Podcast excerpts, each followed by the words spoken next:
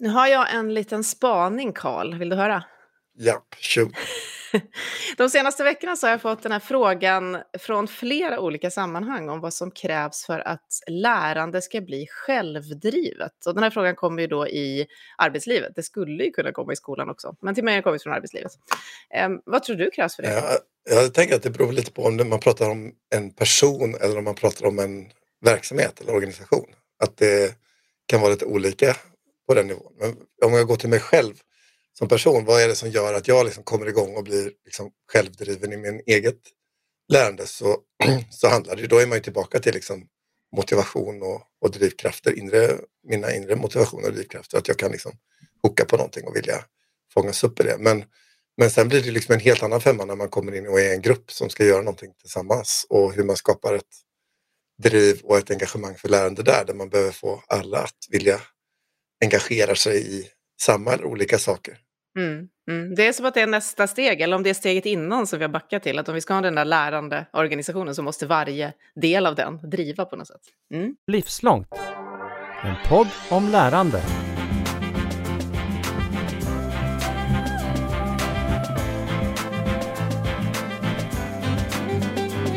Ja, det har vi pratat om flera gånger, det med motivationen och vårt inre driv och hur vi tänder oss själva liksom för att lära i vardagen och hur det ska få plats. Det ska vi prata om idag, i dagens Livslångt, med dig Carl Heath och mig Katarina Pietschak och vår gäst idag Siri Vikander. Varmt välkommen. Tack så mycket, kul att vara här. Du, vad gör du för att driva ditt eget lärande om vi bara börjar i den ändå? Jag måste bara reflektera på det som ni sa här inledningsvis. För jag tänker så här att lärande, det pågår ju förstås hela tiden. Vi lär oss ju liksom, hela tiden, både medvetet och omedvetet. Och det som vi kan göra som individer, och team, och organisation och även samhälle är ju att rikta det lärandet till ett visst område och öka takten just där. Och, du, och din egen takt då? Hur, hur ser den ut? Ja, men jag har ju världens roligaste jobb. Jag, jag, är ju liksom moderator och föreläsare och skriver nyhetsbrev och krönikör. Men sen är jag ju också ute i verksamheter och eh, eh, som driver projekt som antingen interagerar med ledarskapsutvecklare eller projektledare. Så jag träffar ju så mycket folk, så det lärandet pågår ju hela tiden. Och så träffar jag olika organisationer och även om organisationer är väldigt, tycker jag, har väldigt mycket gemensamma drag eh, så har man ju ändå lite olika sätt som man har löst saker på och där finns det också jättemycket lärande. Mm. Så eh, ibland när min mamma ska berätta för sina vänner vad jag jobbar med så har hon problem när hon ska ringa in allt det där som du just beskrev på ett likartat sätt. Så om du berättar vem du är och vad du gör, vad säger du då?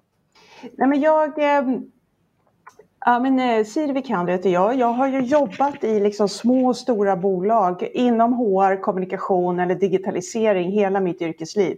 Och på något sätt försökt eller bidra till att utveckla organisationer att eh, klara de utmaningarna som dyker upp kontinuerligt. Och sen eh, februari förra året, faktiskt en månad före pandemin, så bestämde jag mig då för att starta eget.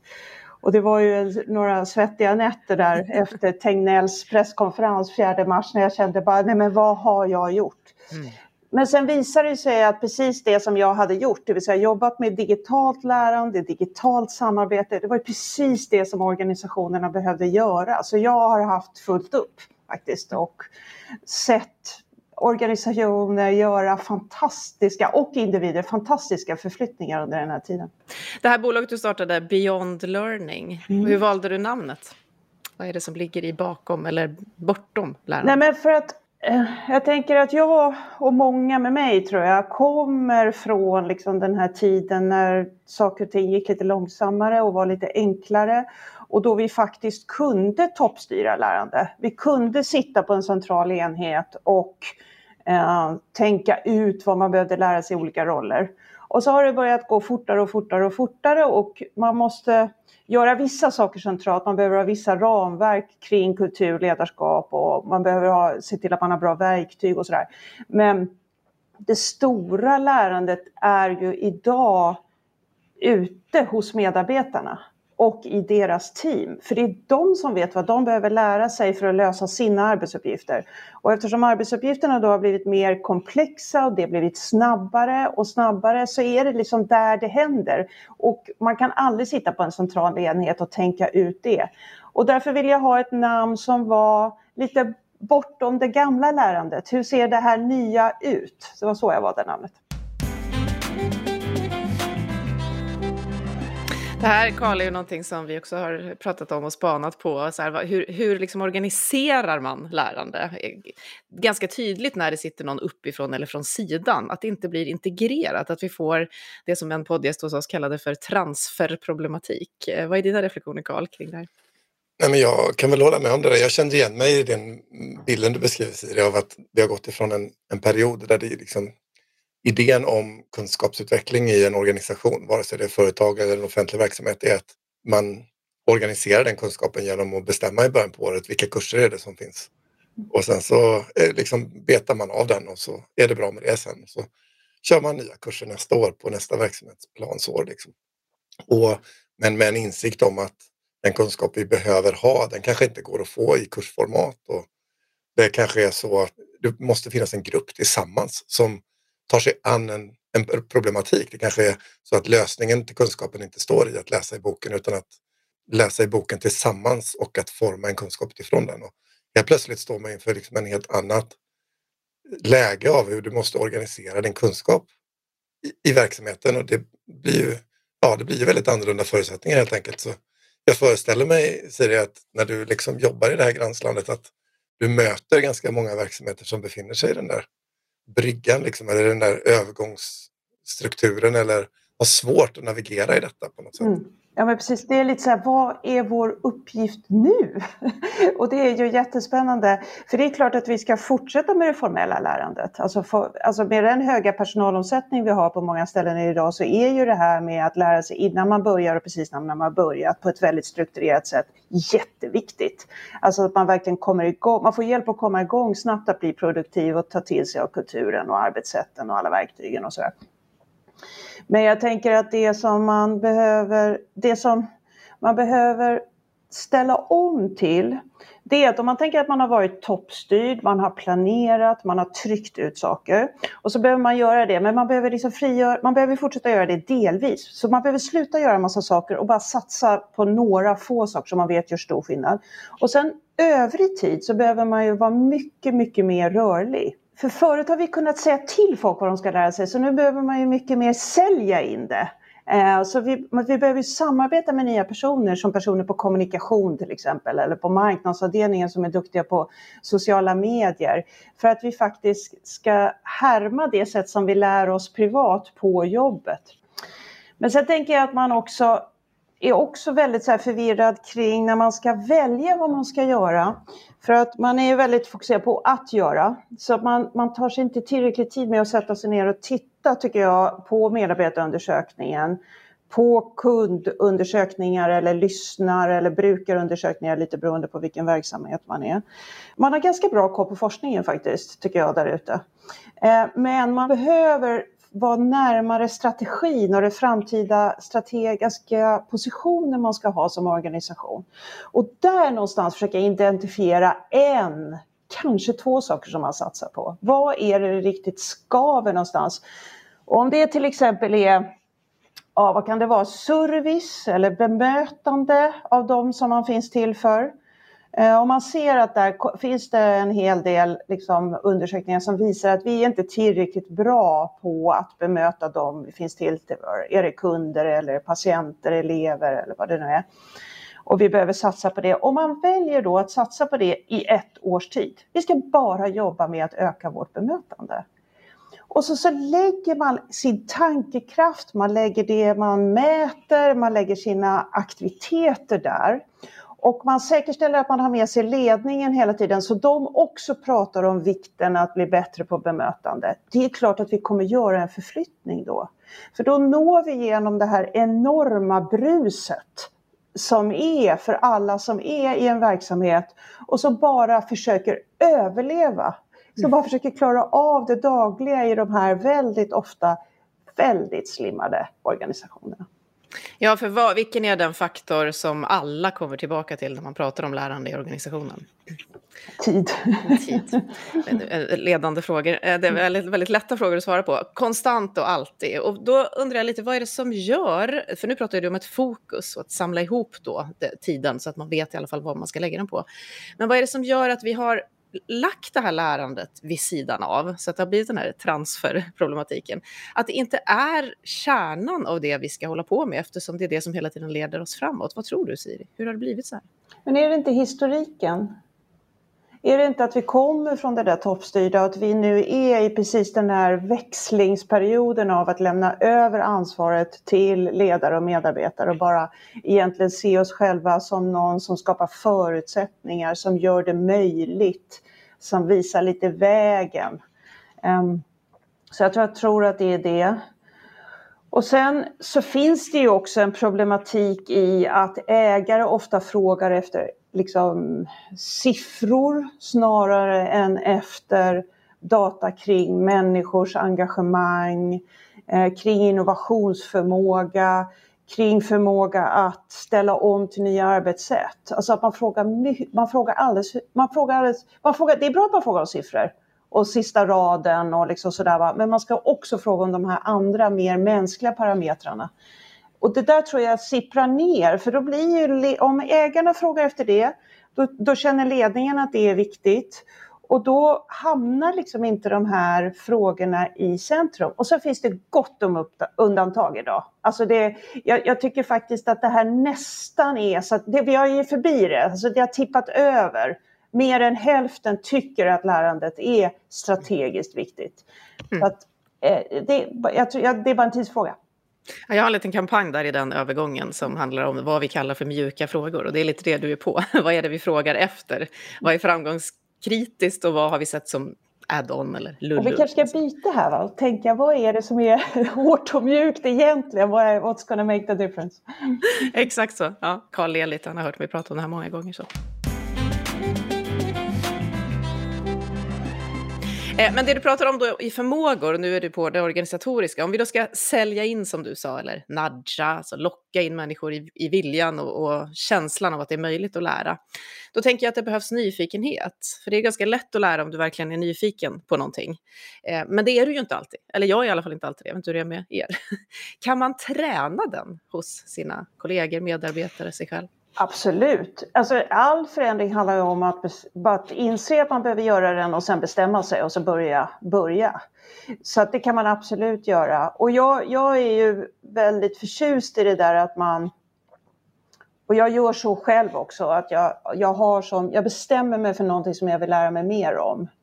Och sen så riktar jag, man använder hjärnans förmåga att bli en sån där liksom, eh, målsökande liksom, torped som, som bara plötsligt så ser man överallt. Ja, ni vet det där när man är liksom väntar barn så ser man barnvagnar, när man ska köpa bil så ser man bilar. Det är liksom att använda den förmågan som hjärnan har. Så jag brukar liksom bestämma mig för ett område och sen läser jag om det, jag poddar om det, jag frågar mitt nätverk om det, jag går på liksom sådana utbildningar så jag bara verkligen försöker fylla på. Och vad jag bestämmer mig för, det vet jag Alltså det är nästan lite så, så att jag ser någon sorts mönster. Jag tycker jag är som att jag hör någonting. Ah, men det här var ju intressant. Undrar om det här kan vara.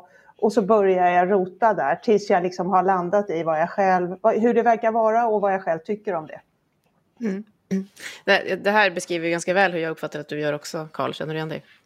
Eh, ja, jag funkar nog ganska likadant där som Siri. Att jag, det är någonting som liksom kliar och som jag måste liksom utforska. Sen kan jag inte sluta med det. Utan jag måste liksom ta reda på mer eller lära mig om det. Men jag tänker att det är inte alla som har den, det intresset av att lära sig det som är i ens arbetsplats. Precis. Och just utifrån det organisatoriska perspektivet ska man ju vara jäkligt lyckligt lottad om en hel arbetsgrupp är intresserad av att klia på samma grej samtidigt. Eh, för att åstadkomma det där som man som organisation vill. Och det där är väl också en en utmaning. Dels liksom, hur skapar man en liksom, incitament eller förutsättningar för att det ska bli lättare att, göra det som grupp. Men också hur man gör för att få med sig de som inte själva av naturlighet känner sig hugade till detta.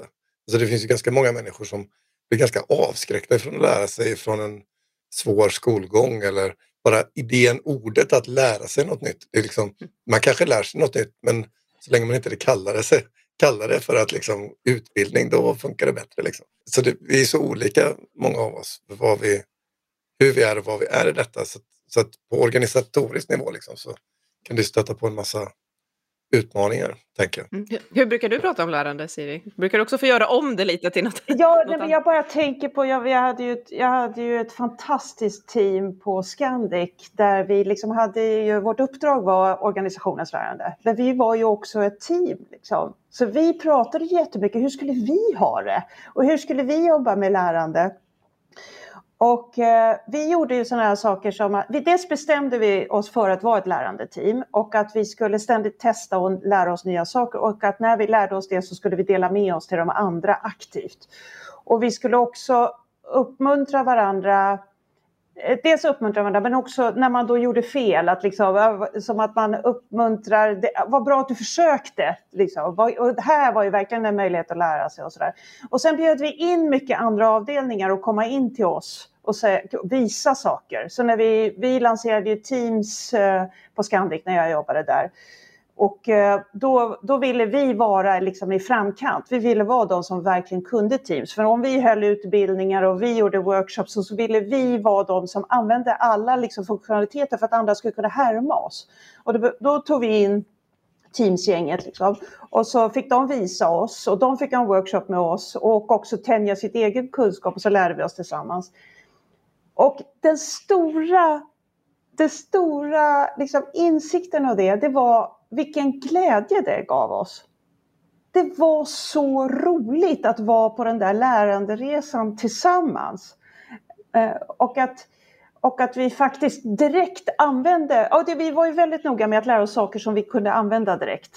Så det var inget glapp. Eh, och då, ja men alla som jobbar med lärande vet ju att om man går på en kurs och sen inte använder det, då kommer man ju glömma det. Men det här blev det den där omedelbara lärandet. Det bara gick rakt in i ryggraden direkt, i vardagen.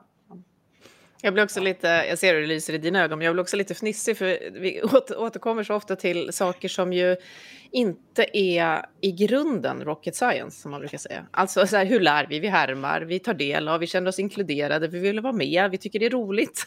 en mängd sådana parametrar. Och sen sitter vi och liksom skruvar vår hjärna kring mycket mer avancerade lösningar på, på den här, som att vi ska skapa en algoritm som inte är vi. Det är lite rolig betraktelse bara. Och du, du har ju en titel som är People Growth Expert. Vad, är, vad, vad betyder people growth då i det här sammanhanget för dig? Ja, men Eh, det var, det, det, det var, jag fick faktiskt den titeln när jag började på Scandic, så det är inte jag som har kommit på den, men jag, jag, jag bara gillade den så otroligt mycket för att liksom, det handlar ju om att växa och utvecklas som det här som jag gör på jobbet. Och man kan säga, ja men jag tror att det, det som jag gör ute i organisationer, det är väldigt mycket att ställa frågor. Att, att um, vad är, jag börjar nästan alltid med, vad är utmaningen? Var är det det skaver? Men låt oss göra något åt det.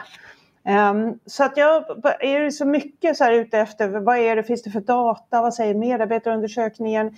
För ofta finns det en känsla av vad det är man behöver göra någonting åt, men det finns någonting som hindrar en. Som det kan göra i organisationer, man kör fast, man blir lite hemmablind, det kan finnas att det är lite toppstyrt, man blir rädd. Eh, och då när jag kommer in utifrån så kan jag vara en, en frigörande kraft därför att jag kan säga saker. Och jag blir ju helt orädd därför att jag är inte beroende av någon. Ja, om de inte vill ha mig då slutar jag bara och så finns det tusen andra saker jag kan göra. Och den där, det där tror jag jag tror verkligen på den här kombinationen av att man har, och det trodde jag även när jag själv var fast anställd, den här kombinationen av att man har eh, eh, folk på plats och sen så tar man in inspiration utifrån för att just få den där perfekta mixen av kontinuitet, de som förstår verksamheten verkligen på djupet. Ja, men det, vi har testat det, det går inte här. Eh, det finns ju som om man är på i organisationer där det är väldigt mycket experter till exempel som läkare eller journalister och sådär, då måste man jobba på ett lite annat sätt för man, man kommer att behöva eh, man kommer bli ifrågasatt på fakta. Så då måste man liksom börja med faktan för att liksom komma förbi det där så man slipper hålla på med den frågan. Ja men ni vet det här. Och det är ju sånt som personer inne i en organisation vet. Men de som kommer in som interim eller som konsulter, de har ju den där eh, Eh, att de är i massa olika organisationer så de kan ta med sig någonting bra in och tillsammans kan man då komma åt det här liksom, växandet, utvecklandet, förändringen som man vill ha, få bort skavet. Och då kan du ställa frågor och det, har, det är ju liksom allmänt känt att effektfulla och kraftfulla frågor gör väldigt mycket och skapar lärande. Men hur ofta hör du att det är fler frågor än levererade svar när människor ska jobba och lära tillsammans? Och vilken spännande fråga. Jag tänker att man kontaktar ju nästan alltid mig när man har en fråga och ingen lösning. Så att jag, jag, jag upplever nog så. Men, för, men jag har också, i och för sig har varit ute som när man kommer ut, så Uppsala kommun till exempel, som, är, som är så fruktansvärt duktiga. Då kom jag liksom ut och då kände jag så här att de hade redan kommit så otroligt långt. Så de var så här som att träffa en ledare ni vet som är riktigt, riktigt bra. Som bara vill skruva lite grann. Det var liksom annorlunda. Men, men det är mera ovanligt, men det händer då och då. Eh, men annars är det oftast liksom mer frågor än svar.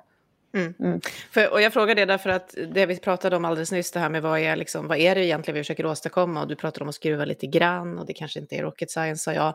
Hur kommer vi bortom alla de här bassorden och lärande lingot och policyerna och verkligen börjar göra lärande? Vad tror du är det absolut viktigaste då? Ja, men jag, jag, jag tror det är lite tillbaka till det som jag nämnde inledningsvis, men jag kan fördjupa mig lite kring det. Det vill säga jag tror att det man behöver göra centralt och tillsammans med ledningen, det är att sätta en väldigt tydlig framtida läge, strategi, strategiska mål. Man behöver få med sig ledningen på den här nödvändiga förflyttningen. Och sen så behöver man då jobba fram en kultur och formulera den, och jobba med den och jobba in den i alla processer och alla liksom, liksom all onboarding och så. Och sen behöver man jobba med ledarskapet, eh, sätta ramverk kring det, så här leder vi hos oss och jobba med olika aktiviteter kring att det har chans att utvecklas. Och det som jag har börjat lägga till allt mer de senaste åren, det är ju det här verkligen att ge teamen verktyg, att ge dem en verktygslåda. Så här kan ni jobba med att förtydliga ert uppdrag, med att förtydliga era roller, med att sätta en tydlig mötesstruktur så att ni verkligen får in det dagliga lärandet och sådär. Va? Så förstår jag det rätt där, så är det att liksom mycket av det handlar om att också liksom hjälpa till att definiera, inte bara eh, liksom vad det är man behöver åstadkomma utan hur man så att säga, bygger sin egen struktur också nere på liksom, enhetsnivå för att det här lärandet ska kunna finnas till. Liksom. Att man inte liksom bara talar om så här, ni ska lära er de här sju sakerna eller det är de här nio områdena som behöver finnas eller sådär utan att det handlar om att eh, liksom arbeta med organisationen för att det ska finnas en yta på för varje medarbetare att faktiskt kunna liksom vara en del av detta på något sätt. Ja, för att om man, om man tänker att man delar in det i två delar så att man, man fyller på med jättemycket kunskap eh, eh, i början när någon börjar på en ny tjänst eller är ny på organisationen och sen ska de driva sitt eget lärande. Då, jag menar, var ska de gå någonstans? Alltså det finns ju förstås jättemycket utanför på Youtube och liksom poddar och sådär. Men inne i organisationen då kan man ju bygga upp och det är många som gör det nu Alltså man bygger upp såna här ledarskapsgym och medarbetarskapsgym och sådär. Och det som är härligt med det, det är ju att eftersom medarbetaren och ledaren och teamen vet precis vad de har för utmaning just nu, då kan de ju gå dit och söka efter den informationen de vill ha. Så att jag, jag tror på att man liksom trycker verkligen, det här ska ni lära er först där måste ni kunna direkt i början och sen har man en väldigt tydligt uttalat uppdrag till, till alla att driva sitt eget lärande. Man måste liksom lämna över det ansvaret till dem någonstans. Jag brukar, det är lite olika, men 90 dagar eller någonting sånt där. Mm. Så ja. Man pratar ju om det direkt från början men man liksom, nu gör vi det verkligen formellt. Liksom. Och sen blir det då, det, det är inte första gången som vi drar parallellen till träning då, apropå gym, att sen måste varje person träna sina egna muskler. Men jag står och tänker på, du har ju en riktigt gedigen HR-bakgrund, Siri. Eh, och en fråga som kom upp häromdagen i ett av våra sammanhang var hur och när blev lärande en HR-fråga? Och nu har jag inte hört dig säga HR en enda gång i vårt samtal. Så, så hur har det blivit? Ja, ja, ja men det, och jag tyckte det var så roligt för du skickade den där frågan i förväg så tänkte jag så här, ja men det är klart att det är en HR-fråga. Mm. Det är precis som att kommunikation ligger hos kommunikation, sälj ligger hos sälj, marknad ligger hos marknad. Det är ju inget konstigt. Här har vi ju kompetens inom beteendeförändring, pedagogik och så. Eh, och så det är inget konstigt, det ska ligga på HR tycker jag, ansvaret för lärandet. Men det betyder ju inte att eh, HR ska lära alla människor allting. Det går ju inte. Men HR ska då skapa förutsättningar som vi har varit inne på här flera gånger. Mm. Och, då, och, att få ihop det då med ledarskapet som du däremot då har nämnt flera mm. gånger. Så att det inte blir en, en kraft som kommer från sidan. Vad är viktigast då? Nej, men jag, det är en sak som jag har funderat på jättemycket på sistone det har varit ett sånt där mönster, Carl, som, som eh, vi var inne på. Jag tänker där liksom eh, att eh, det är att jag tycker att det verkar som att vi behöver bli ännu tydligare med vilka möten vi förväntar oss att våra ledare och team har. Och jag, här funderar jag på att man kanske inte ska vara så mjuk kring det, utan kanske det här, vi vill att ni har strategimöte eh, en gång i kvartalet, ni går igenom ert uppdrag och era roller, ni har eh, korta avstämningar en gång i veckan, chef medarbetare. Ni har alltså verkligen så tydlig struktur. Därför att jag tror att eftersom vi är då i en tid där det går fortare och fortare, arbetsuppgifterna blir mer komplexa, vi behöver, team är oslagbara när det gäller att lösa komplexa arbetsuppgifter. Och vi fastnar, vi behöver ju då prata en massa med varandra och så fastnar vi i det där att vi ska prata, prata, prata. Men den där mötesstrukturen, det skulle kanske vara en hjälp för att stanna upp, tänka, gör vi rätt saker? Är det i linje med den datan? Alltså lära sig, lära sig av det man precis har gjort, lära sig av varandra. För jag tror att vi framåt. Vi måste ta makt över vår kalender, frigöra tid eh, där för att kunna liksom växla upp på vårt lärande. Och då, det här måste vara en väldigt medveten tanke och då har jag börjat fundera på om inte vi som organisation ska vara extremt tydliga. Och väldigt mycket är det ju inspiration från de här agila mötesstrukturerna. Alltså, sen behöver man skruva på det lite grann för att få det att funka för en hel verksamhet och så, för man jobbar inte med sprinter på samma sätt överallt. Men, men, det, men själva grundidén kan man ta från det agila och ta över ut i hela verksamheten.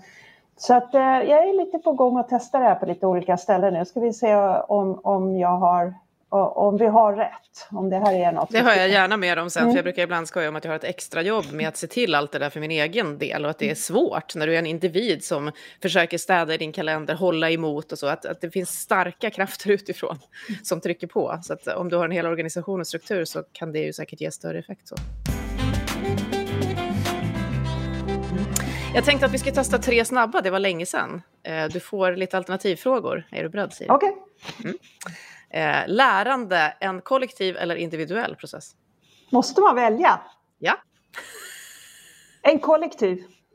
För att? Alltså du lär dig ju absolut mest tillsammans som grupp. Och då, då om vi måste hitta nya arbetssätt nu då, då måste man ju göra det tillsammans som grupp. Jag kan inte sitta borta och, alltså om jag nu måste välja, jag tycker att det är både och, men, men det, det, det, blir inte samma kraft i det om alla bara sitter var för sig. Det blir mycket mer kraft om vi lär oss tillsammans. Mm. Feedback, ge eller be? Be. Be om feedback. Ja men alltså det? herregud vad vi har hållit på att lära ut att folk ska ge feedback på olika sätt. Jag är så trött på det. När, alltså vi behöver alltså om man verkligen lägger in i sitt eget beteende att hur var det här, hur gjorde jag det här, är det någon som vet hur man gör det här? Alltså och vi är där, då kommer vi få så himla mycket lärande och då kommer ju andra fråga oss och då kan man ju passa på att ge den där feedbacken som man känt skaver lite som man skulle behöva ge. Så. så att, eh, Igen fler frågor alltså. Den var lätt att svara på. B, B, B och feedback. den här kanske är lite svårare, vi får se. Samarbete eller kollaboration? Och jag vet inte riktigt vad skillnaden är. Nej, det är det som är det spännande. Har du någon skillnad? Nej, jag tror inte jag... Jag, jag, kan, jag kan inte skillnaden. Det för mig är det är egentligen ingen skillnad tror jag. Alltså kollaboration för mig är ju då att man justerar, justerar, justerar. Det skulle i så fall tala för det. Alltså att man samarbetar, justerar, samarbetar, justerar. Om det är kollaboration, då väljer jag det. Mm. Mm. Jag, jag, gillar den uh, distinktionen, eller, eller att tänka kring om det finns en skillnad. Därför att vi har pratat om samarbete alltid. Ja. Och det har kunnat yttra sig i att okej, okay, det här ska vi göra, du gör det, du gör det, du gör det då, och så ja. gör vi mot den.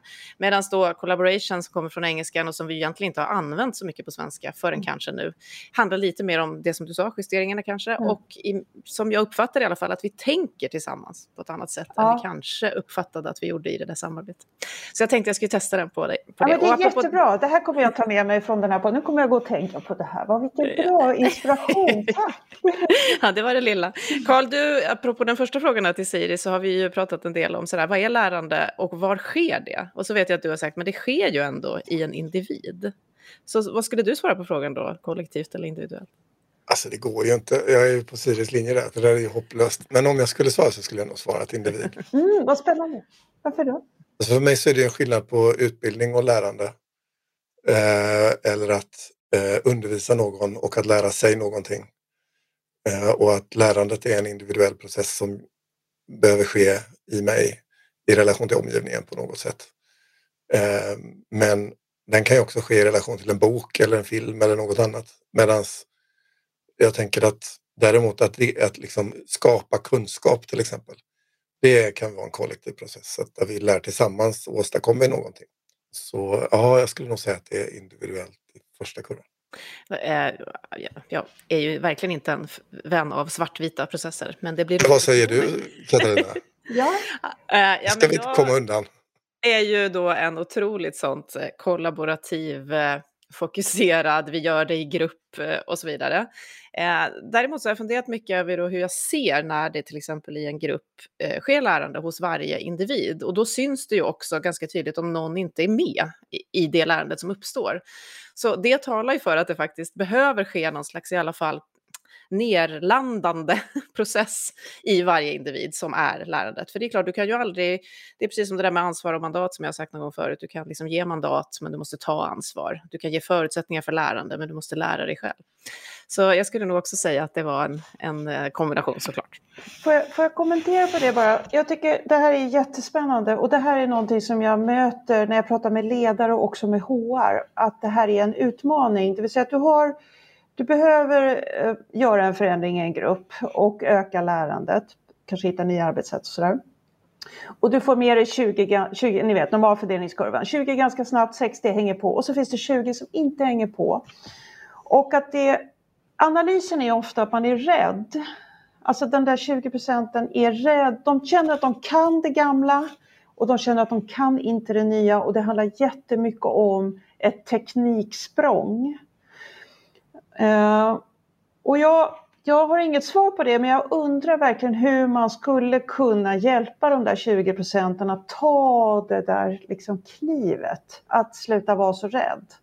Um, så det är en annan sån där liten fråga jag går och klurar på just nu, hur man skulle mm. kunna stötta dem. Uh, är det så att de behöver lämna den gruppen för att kunna ta en ny identitet i en annan grupp? Uh, är det så det är? Så är det förmodligen ibland. Men ibland kanske man skulle kunna coacha dem inom befintlig grupp och verkligen ta klivet. Jag vet mm. inte. Nej, det där är ju ja. jättespännande. Vi hade ett resonemang för inte så jättelänge sedan kring frågan om eh, skillnaden i att utbilda eh, personer som har expertis jämfört med att utbilda personer som är noviser. Eh, och att det är två ganska olika företeelser. Eh, att utbilda någon som inte kan någonting kräver en hög grad av instruktion Medan att utbilda någon som redan är en befintlig expert kan handla om facilitation och handledning och så. Och det kan ju vara så, nu bara killgissar jag fritt iväg här, men det kan ju vara så i den där gruppen du beskriver att de där 20 procenten är noviser och där de andra redan har börjat en resa och att man då försöker då applicera samma undervisningsmetodologi till eh, en grupp som kanske är för bred. Gud så bra! Karl, vilket, du löste ju alltihopa. Nu skriver Siri ner här. Ja, ja, ja, det här tar jag också med mig. Jag lärde mig mest idag. Jag tänkte att vi skulle avsluta med hur ska man börja? Mm. I det här paradigmet av eh, där alla och vi pratar om reskill och upskill och sådär. Eh, jag vet att du har några stalltips om hur man då kan öva det här som vi har pratat om för att komma in själv i det och som organisation då. Eh, odla nyfikenheten, odla känslan för läraren. Kan du dela med dig av några saker som, som vi kan börja med? Mm. Ja, men jag har förberett fem tips. Eh, så tips nummer ett då. Bestäm dig vad du ska lära dig mer om. Sök information om det, börja använda det du har lärt dig direkt och dela sen med dig av din kunskap till din omgivning. Både, liksom, inte bara i ditt eget team utan till hela din organisation och kanske till och med med hjälp av Youtube och poddar och så ut i världen. Mm. Och tips nummer två, eh, sätt dig själv i en position där du måste lära dig nytt.